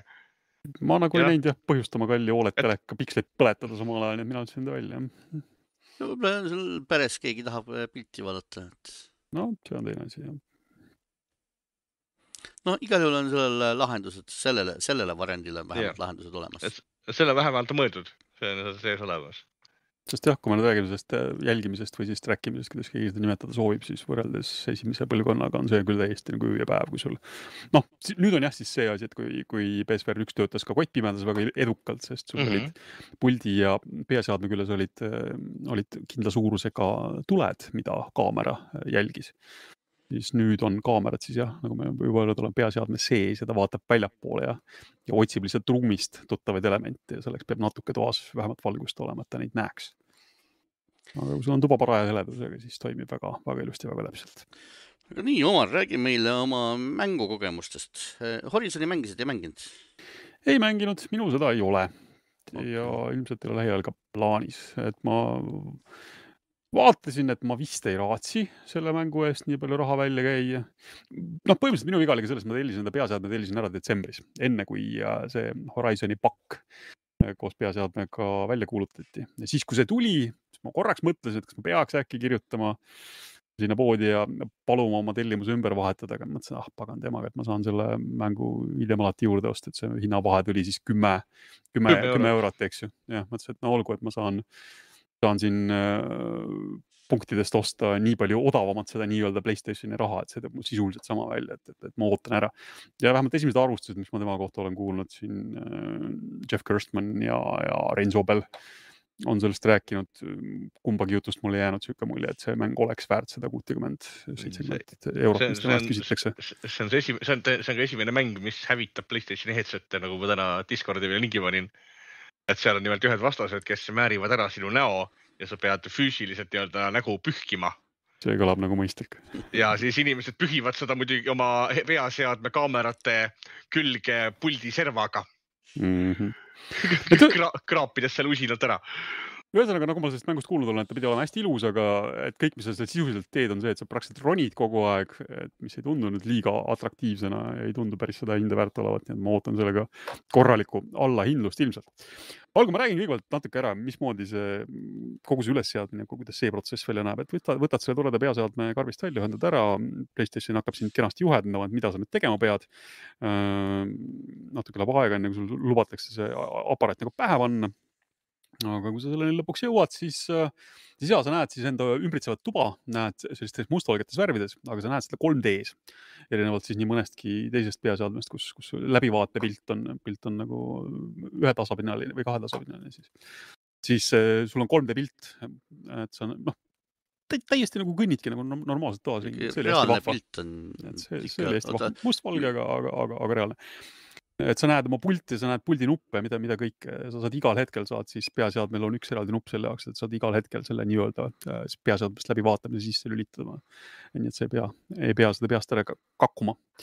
Äh, ja siis ta jah, ta kaardistab ise sul ruumi ära, ta käseb sul siis mööda tuba ringi vaadata paremale-vasakule, üles-alla ja ta otsib ise siis äh, üles need takistused, mis ta arvab, arvab seal toas olevat ja kui, kui palju sul võiks nagu siis mängimiseks normaalselt seda ruumi olla. kui talle tundub, et seda ruumi on vähem kui kaks korda kaks meetrit, kaks korda kaks meetrit on siis miinimum, mida on sul vaja selleks, et mängida neid mänge, kus sa liigud ringi mm,. et kus sa ei istu, istu maas, äh, vaid, vaid jah, siis sul peab olema kaks, kaks korda kaks meetrit äh, liikumisruumi. sellega on nüüd küll see asi, et kui ta on selle automaatse kaardistamise ära teinud, siis minul jäi nõks jäi sellest puudu et siis sa saad äh, võtta oma selle puldi ja saad selle puldi kiirega, saad seda ala siis nagu natuke suuremaks või väiksemaks tõmmata, et aga üldiselt jah, ta kaardistas, kaardistas väga täpselt tegelikult äh, mul toa ära, et midagi pole ette nagu heita. aga jah, kuivõrd mul ruumi jäi puudu, siis mis ma tegin, oli lihtsalt see, et ma tõmbasin selle ala natuke suuremaks, ma tõmbasin seda diivani arvelt, sest ma tean, et ma saan diivani kohale, ma saan minna. et ma noh, jah, natuke olin hädas, kui ma nüüd ajas edasi hüppan sellega, et kui ma pidin Job Simulatoris auto ratast vahetama seal diivani kohal, siis see oli natuke pidi otsima seda õiget kohta, aga sellega sai ka lõpuks ikkagi hakkama.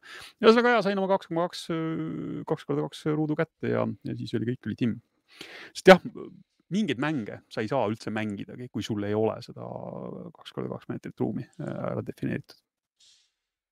ja siis järgmine peotrikk, mis seal veeseadmel on, siis on silmade jälgimine. et selle ta seadistab, kalibreerib ära niimoodi, et kui sa oled seadme endale korralikult pähe saanud, õigemini see vist oligi esimene asi, et ta jälgib su pille selle järgi, paned siis läätsede vahe, krutid vastavast rattast nagu paika ja siis saad pildi ilusti teravaks ja silmade trackimine jah, ta liigutab sul selliseid toredaid täppe seal silma ees, siis pead neid silmadega jälgima ja siis lõpuks kontrolliks ta siis näitab sulle ringiratast äh, siuksed täpped, vaata, vaata igat täppist, see läheb heledaks ja see toimib küll täiesti üllatavalt hästi, vaatad mingi täpi peale, ta lähebki, lähebki nagu põlema. ja ega siis vist oligi põhimõtteliselt kõik, et siis sai otsast nagu mängima hakata mängudest vaatasin ja, et mul on hetkel siin muud asjad pooleli, et ma ei tahtnud väga raha raiskama hakata, ei tahtnud äh, midagi juurde ostma hakata, et vaatasin, mida ma siis äh, olemasolevate vahenditega mängida saan. tuli välja, et Job Simulatoril, mis mul oli PSVR ühe peal läbi tehtud, et sellest on, sellel on tasuta upgrade ehk siis sa saad, kui sul oli PS4 versioon digitaalselt olemas, siis sa saad PS5 versioonidele tasuta, nii et tõmbasin selle alla, proovisin ära. see on nagu Job Simulator lihtsalt track imine on natuke parem, et seal ei ole iseenesest muutunud mitte midagi. aga teine peotrikk siis äh, Gran Turismo seitse sai teatavasti ka siis tasuta uuenduse, mis lisas sinna PSVR kahe toe. Kerstmann kurtis ka, et ta ei saanud algul aru, et kui, kuidas selle seal sisse lülitada, sest ma panin selle mängu, panin käima, mul olid sel hetkel olid äh,, olid äh, need PSVR-i enda puldid käes ja mäng läheb käima ja sealt avamenüüst mitte midagi teha ei saa, nende pultidega katsud seda nuppu vajutada, et mine nüüd sinna kaardi peale, ei, mitte midagi ei toimu. korraks juba hakkasin kahtlema, et kas see patch ikka tuli juba välja või mitte, aga ei, siis tuli võtta tavaline pult. tavaline DualSense ja DualSense'iga saab siis, saab siis seda mängida, et, et kui keegi veel ei tea, siis Kandurismaa seitse ei tööta äh, tema enda pultidega, vaid siis selleks on vaja kas DualSense'i või rooli ja kui teil see juba valik juba on, siis ütlen kohe ära, et rool, kindlasti rool, seal ei ole üldse küsimustki. ja jah, olgu, proovisin korraks, proovisin puldiga selle Gran Turismo seitsme ära. jah, alguses ma ei saanud ka aru, et noh, mis siin nagu toimub, eks ju. lõpuks, kui sa selle sõidu käima paned, ta näitab sulle selle sõidu alguse animatsiooni näitab veel kaksteist. sinnamaani kõik on täpselt nagu Gran Turismo seitse enne küll, et sa näed kogu pilti näed lihtsalt selle virtuaalse ekraanina enda silmade ees, eks ju aga äh, sõidu alguses on animatsioon on veel 2D-s ja siis, kui sõit peale hakkab, siis sa hüppad järsku plaksti sinna autosse, siis, siis on see õige VR kogemus. ja kurat, see on äge jah. see on äge, sest see on, see on nagu päris. teine asi, mida jah, ma proovisin, on see nii-öelda showroom ehk siis saad autosid vaadata ka 3D-s ja see on ka äge, see on täpselt ongi niisugune tunne, nagu sa seisaks selle auto kõrval ja see detailsus ja see, see, kuidas need autod modelleeritud on, see on nagu ulme ja noh, seest siis samamoodi, sa istud mingisse viiekümnendate Ferrarisse või, või Del DeLoreani istud sisse, sul ongi niisugune tunne, et ma nüüd olengi selles autos istunud, ma umbes kujutan juba üsna täpselt kujutan endale ette, mis tunne see on. kas selle showroom'i ajal sa neid mootori hääli teed ise või mäng teeb ise neid sulle? mäng teeb ise neid. sest see oli nii tüütu, ma vaatasin mingi striimi ja see oli kohutavalt tüütu. miks tüütu? ilmselt keera maha jah sa millegipärast tuuritad. üritad seda istuda autos. miks? Selles mõttes ise või et selles, et te, ta te tu- tuuritab mootoriga mingi, mingi Tuuritab. põhjusel jah. tuulitab jah., mitte et sina ei pressi nuppu, vaid tema, tema teeb seda automaatselt juba. ma just mõtlesin, et mis, mis see Tarmo ajab, et mis sa teed ise, ise teed häälega. jah, täpselt nii oli. ei, Aga ma mõtlesin, just, et sa sa ei saa ka välja lülitada, onju. ma liiga palju ei otsinud, aga, aga et, esmapilgul jäi et, mulje, et kui ma lähen Ferrarit vaatama, siis ma pean kuulama seda mürinat, no onju. sa saad alati heli maha, maha keerata muidugi.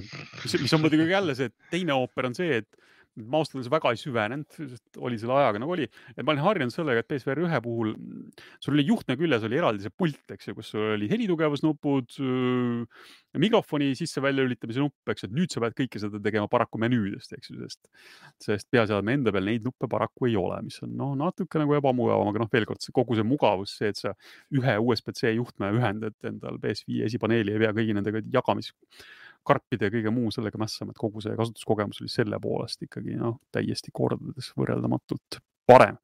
olgu peale äh,, proovisin enne pu- puldiga korraks ära, siis äh, sättisin endal rooli, sättisin üles panin mängu uuesti käima, panin striimi isegi juba tiksuma ja siis põrkasin selle kohta, et peaasjad ütleb mulle, et aga kuule, ma ei leia sul seda mänguruumi enam üles.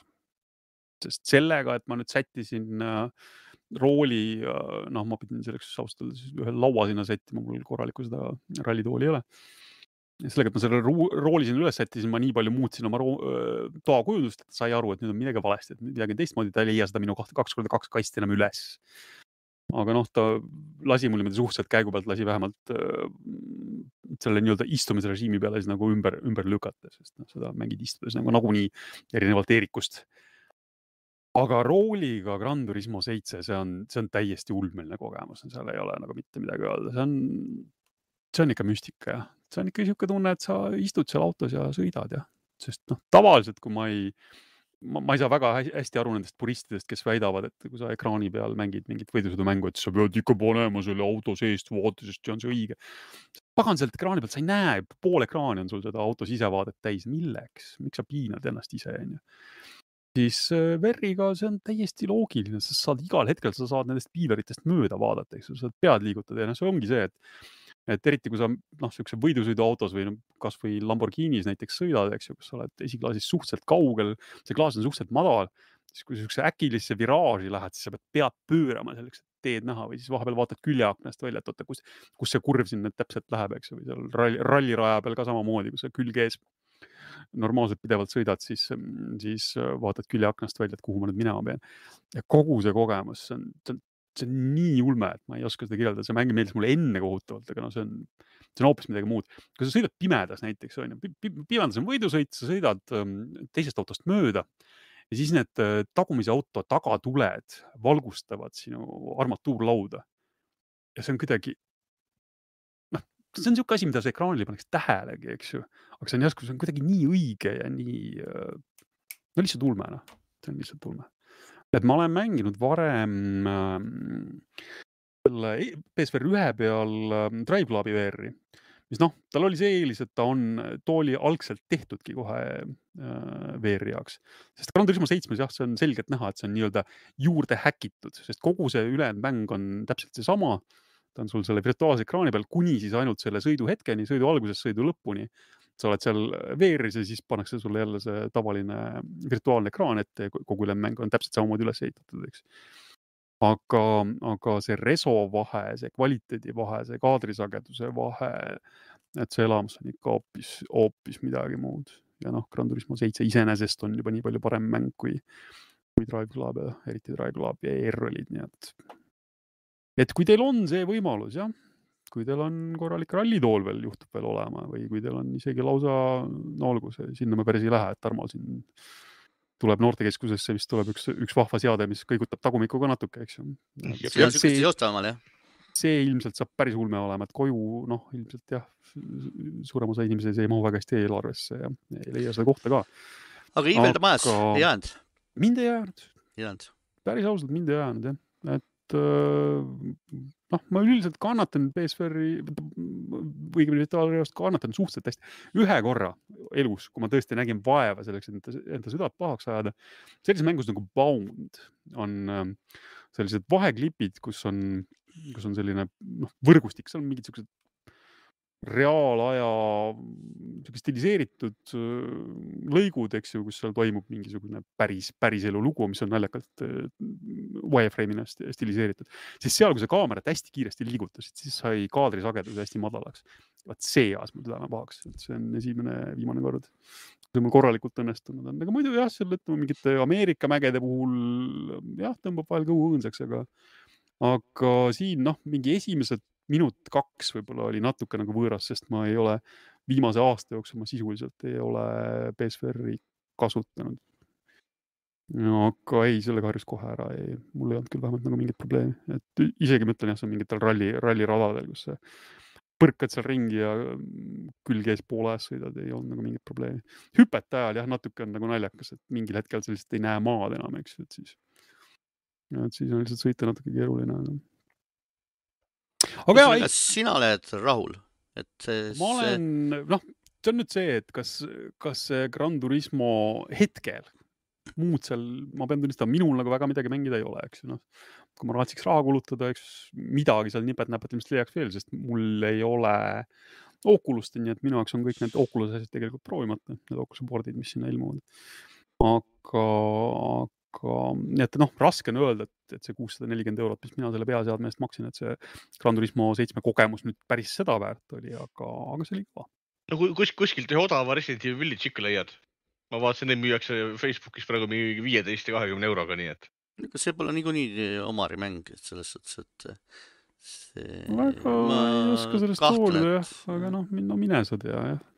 Village'it ma isegi võib-olla võin mõelda, aga aga ei, ma just mõtlesin, onju. ma, ma olen ainult seda mm, beeta või mis, mis, mis see oli. ja siis on uus kogemus, ma ütlen minu, minu jaoks, ma ootan sealt ühte, ühte, ühte, ühte teatud stseeni ootan mina ainult sealt, mida ma tahan kogeda, aga kuna Village'is ei saa valida, noh, küll ma pean, Village'i VR-iga on see värk, et Village alustab sind täiesti uuest salvestusest ehk sa ei saa kasutada oma lõpmatut äh, laskemoona ja kõike muud, mida sa oled lahti lukustanud mängus juba eelnevalt, vaid sa alustadki täiesti nullist. Ja noh, ise, isegi kui ma oleks läbi mänginud, ma ei saaks valida seal spetsiifilist kohta minu arust, kust alustada, nii et ma peaksin mängima ikkagi algusest peale kuni ühe teatud kohani.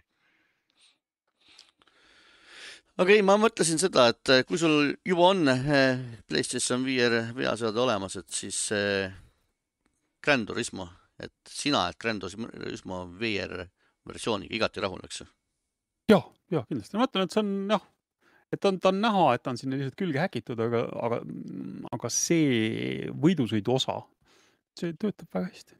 see töötab lihtsalt suurepäraselt. ja see on äge, see kogemusena, see on, see on midagi täiesti, täiesti teist puust. aga no veel kord, kui te olete raatsinud endale selle PS5 ja selle peaseadme juba osta, siis kui teil on võidusõidumängude vastu huvi, siis ma natuke soovitaks ikkagi investeerida see mõnisada eurot veel rooli ka, sest, sest see annab sellele asjale ikka hoopis teise mõõtme, kui, kui, kui puldiga seal teda mängida. aga nii palju VR-ist siis eh, täna. Omar räägib meile kohe ühest teisest mängust veel, aga enne seda räägime, mida meil siis tasuta sood või soodsalt tulemas on või juba saab Nonii mm,, meil on siis ah, tasuta, okei okay.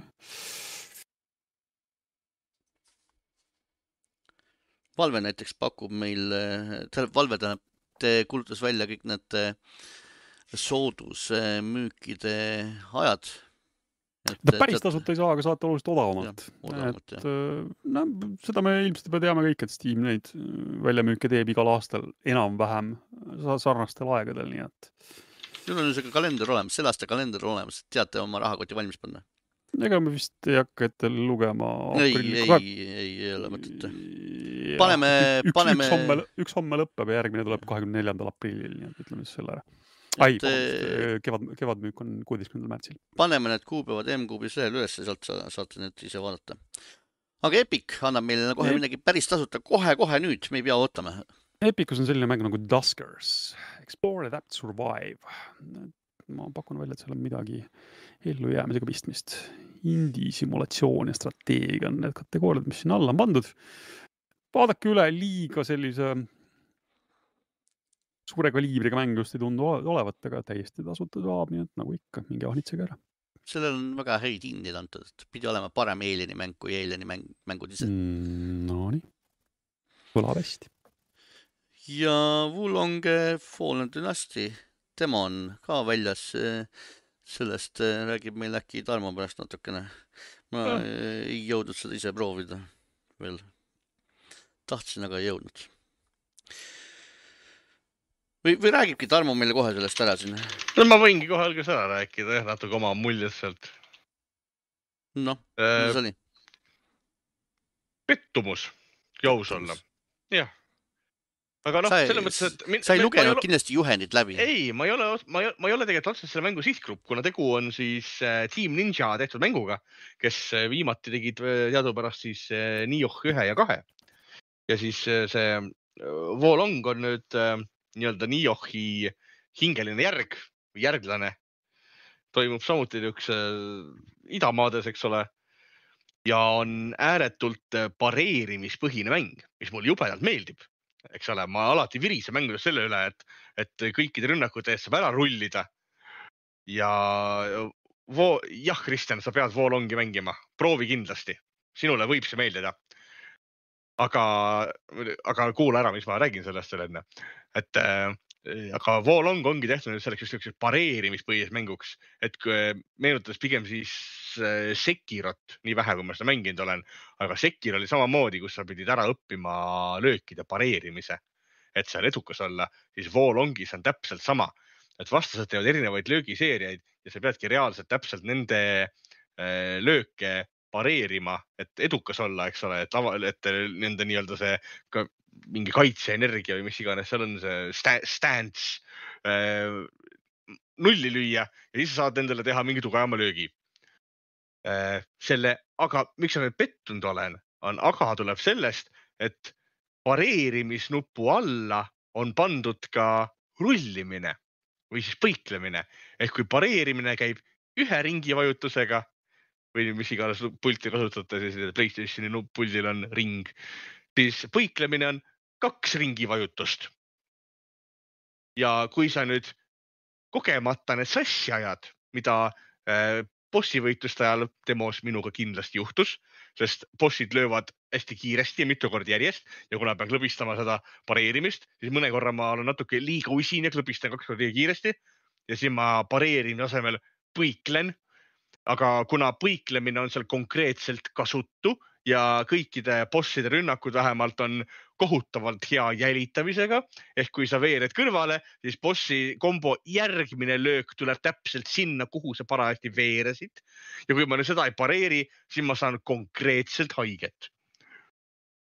ja see oli, see on nagu kohutavalt tüütu, nii et mul, mul on kogu aeg selle mängu jooksul mul kogu aeg tunne, et ma äh, võitlen nagu puldiga, mitte vastasega. Et ma ei tohi teha viga mitte vastase vastu, vaid ma ei tohi teha viga puldile vajutades, nupuvajutustega ja see nagu ei ole niisuguses mängus minu jaoks aktsepteeritav, mis on selline masomäng nii-öelda, mõeldud sellise natukene raskeks ja see oli nagu minu jaoks selline tüütu, et võib-olla see on minu isiklik kiiks, aga see oli lihtsalt, rikkus minu jaoks kogemuse natukene ära. nuppe vahetada ei saa. selles mõttes, kui keegi, kedagi huvitab.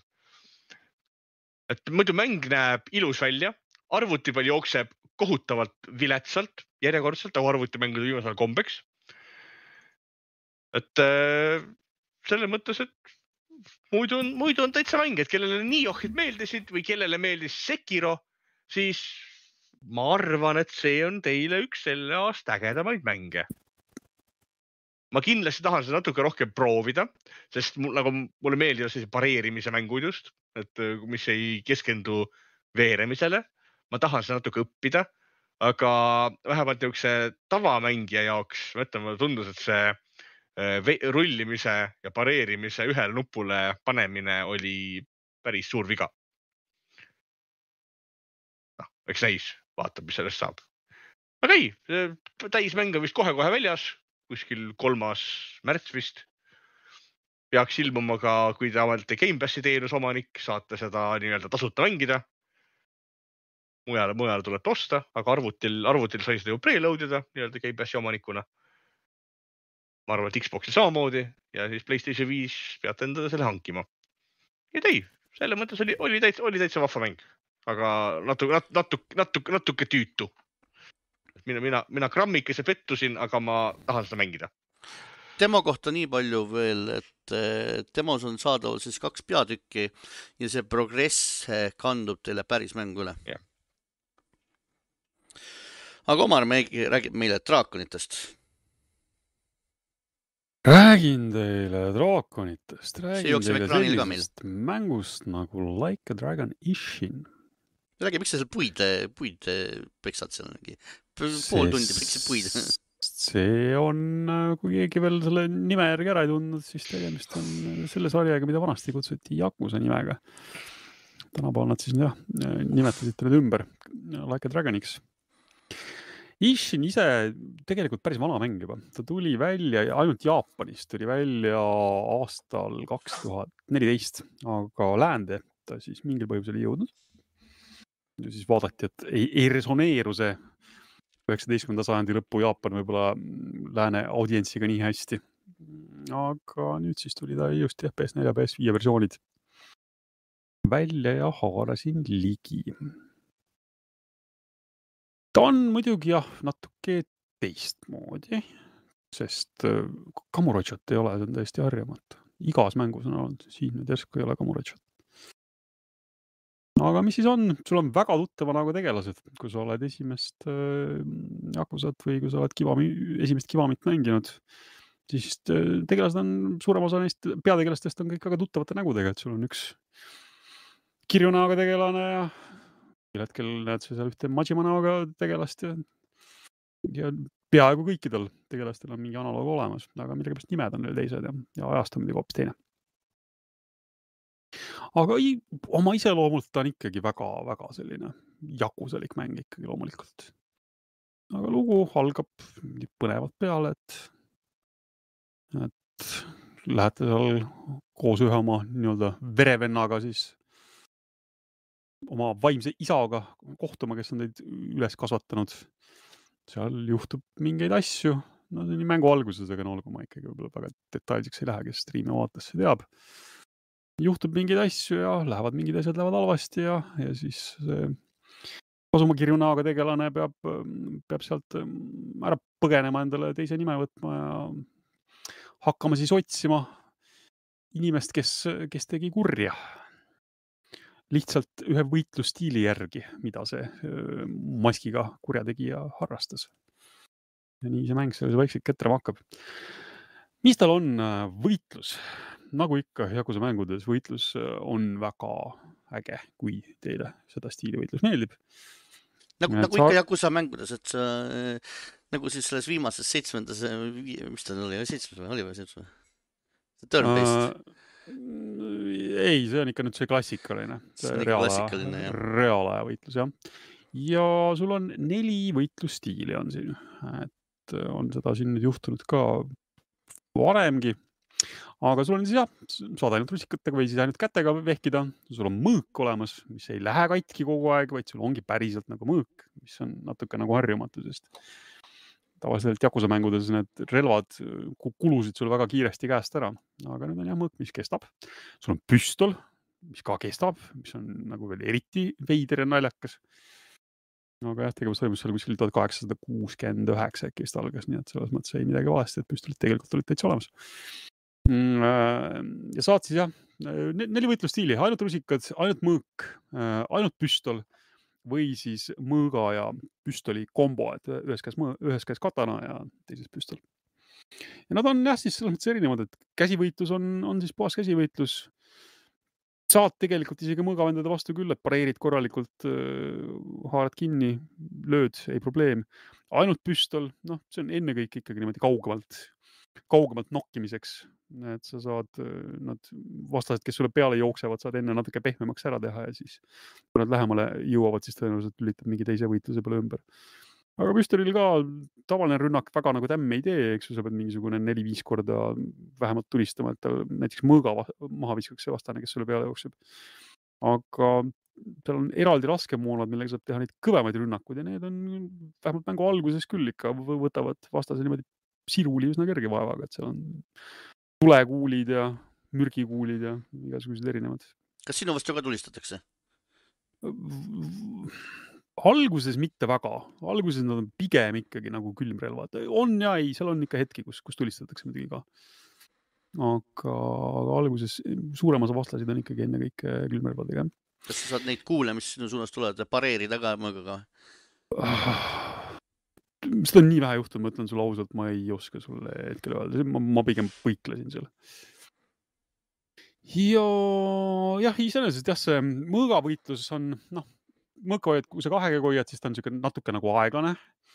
et põiklemine, pareerimine, kõik, kõik on seal olemas, eks ju, põiklemine on natuke aeglasevõitu. aga just see stiil, kus sa siis hoiad mõõka ja püstolit korraga käes, et see on küll niisugune puhas, puhas tantsimine. nii et käid, sähvad, keerutad, pöörled eest ära, vahepeal tulistad, see on, see on nagu täiesti, täiesti teistmoodi kogemus, see on, see on omamoodi nagu vahva aga jaa, selles mõttes pakub vaheldust, saad erinevaid võitlusstiile proovida, nagu ikka, kõik need arengupuud, eks ju, saad seal, saad seal panna neid kogemuspunkte erinevatesse, noh, seal on jälle need rõngakujulised, mida, mida on ka varem, varasemates mängudes nähtud erinevatesse harudesse, et kuhu, kuhu sa siis punkte rohkem panna tahad. lugu algab niimoodi hästi aeglaselt ja noh, eks e, e, nagu Yakuza mängudes ikka, sa pead olema valmis vaatama mingi pool tundi vahevideot jälle kohati et noh, eks saad skip ida muidugi, kui tahad, aga, aga noh, väga nagu ei soovita, sest, sest siis see valugu läheb kaduma ja lugu tundub olevat ikkagi hea. et veel kord jah, algus oli aeglane, aga tundub olevat hea. no tal on nüüd jälle see, et see mäng on natuke nagu sihuke tõsisepoolne, eks, et, et mulle Yakuza mängudes tavaliselt meeldib ikka see, kui, kui, nad nagu lolliks natuke lähevad niimoodi heas mõttes ja hakkavad mingeid veidrusi sinna sisse panema, et neid on siiamaani võib-olla natuke vähem olnud, noh, see puu lõhkumine võib-olla kisub nagu sinnapoole. kes seda nägi?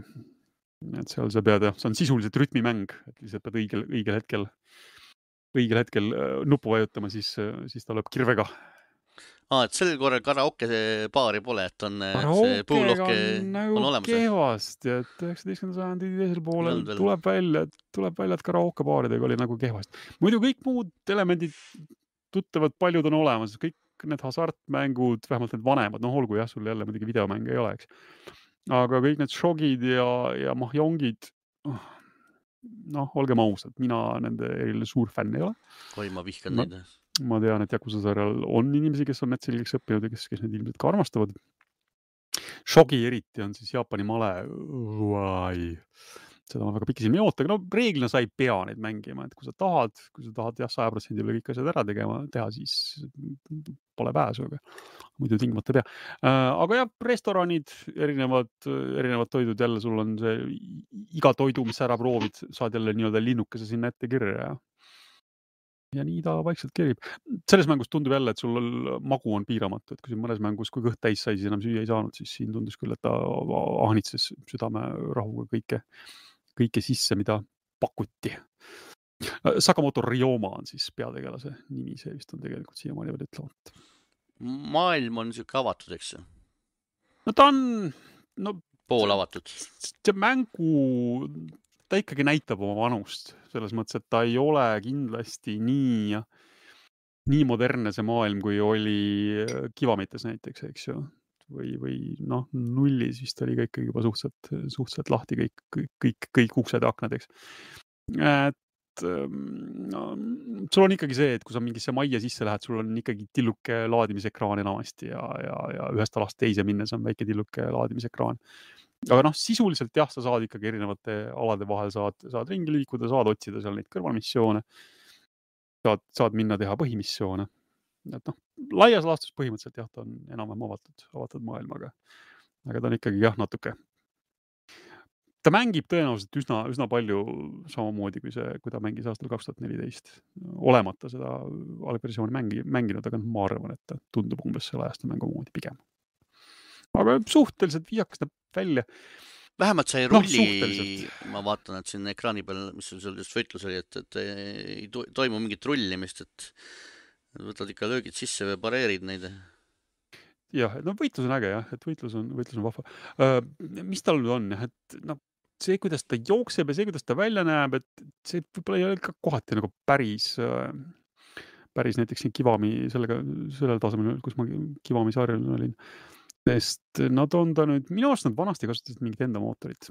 nüüd ta on Unreal neljas.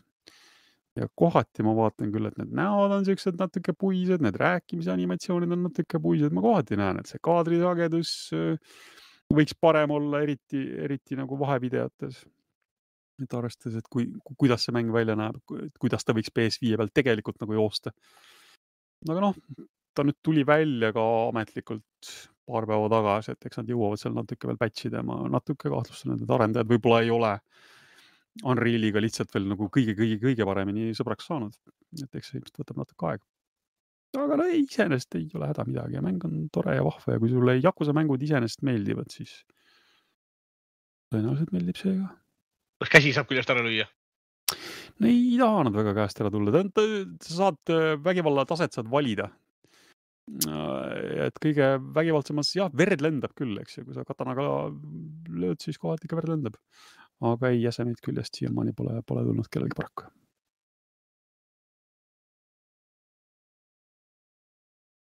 ühesõnaga jalgpalli mängida ei saa? jalgpalli? no ma mõtlen, et pea otsast ära ja. aga ah, selles mõttes ja, ja sellega on kehvasti et kui te seda otsite, siis vaadake kuskile mujale et eks ma mängin edasi, eks ma räägin sellest mõnikord veel, nüüd mitte, mitte enam nii pikalt, aga täna ma vist unustasin ennast natuke lobisema, palun sügavalt vabandust. on meil millestki muust veel rääkida? ma arvan, et sellega me võime joone alla tõmmata vist. no nii meile meeldib mängida otsesaade iga pühapäeva õhtul kell kaheksa Youtube'is M-Kuubis kanalil äh,. audioversioon teie lemmik podcast'i rakenduses tavaliselt esmaspäeviti. Tore, et tulite, külastage meid järgmisel nädalal jälle ja tšau. nägemist. nägemist. thank you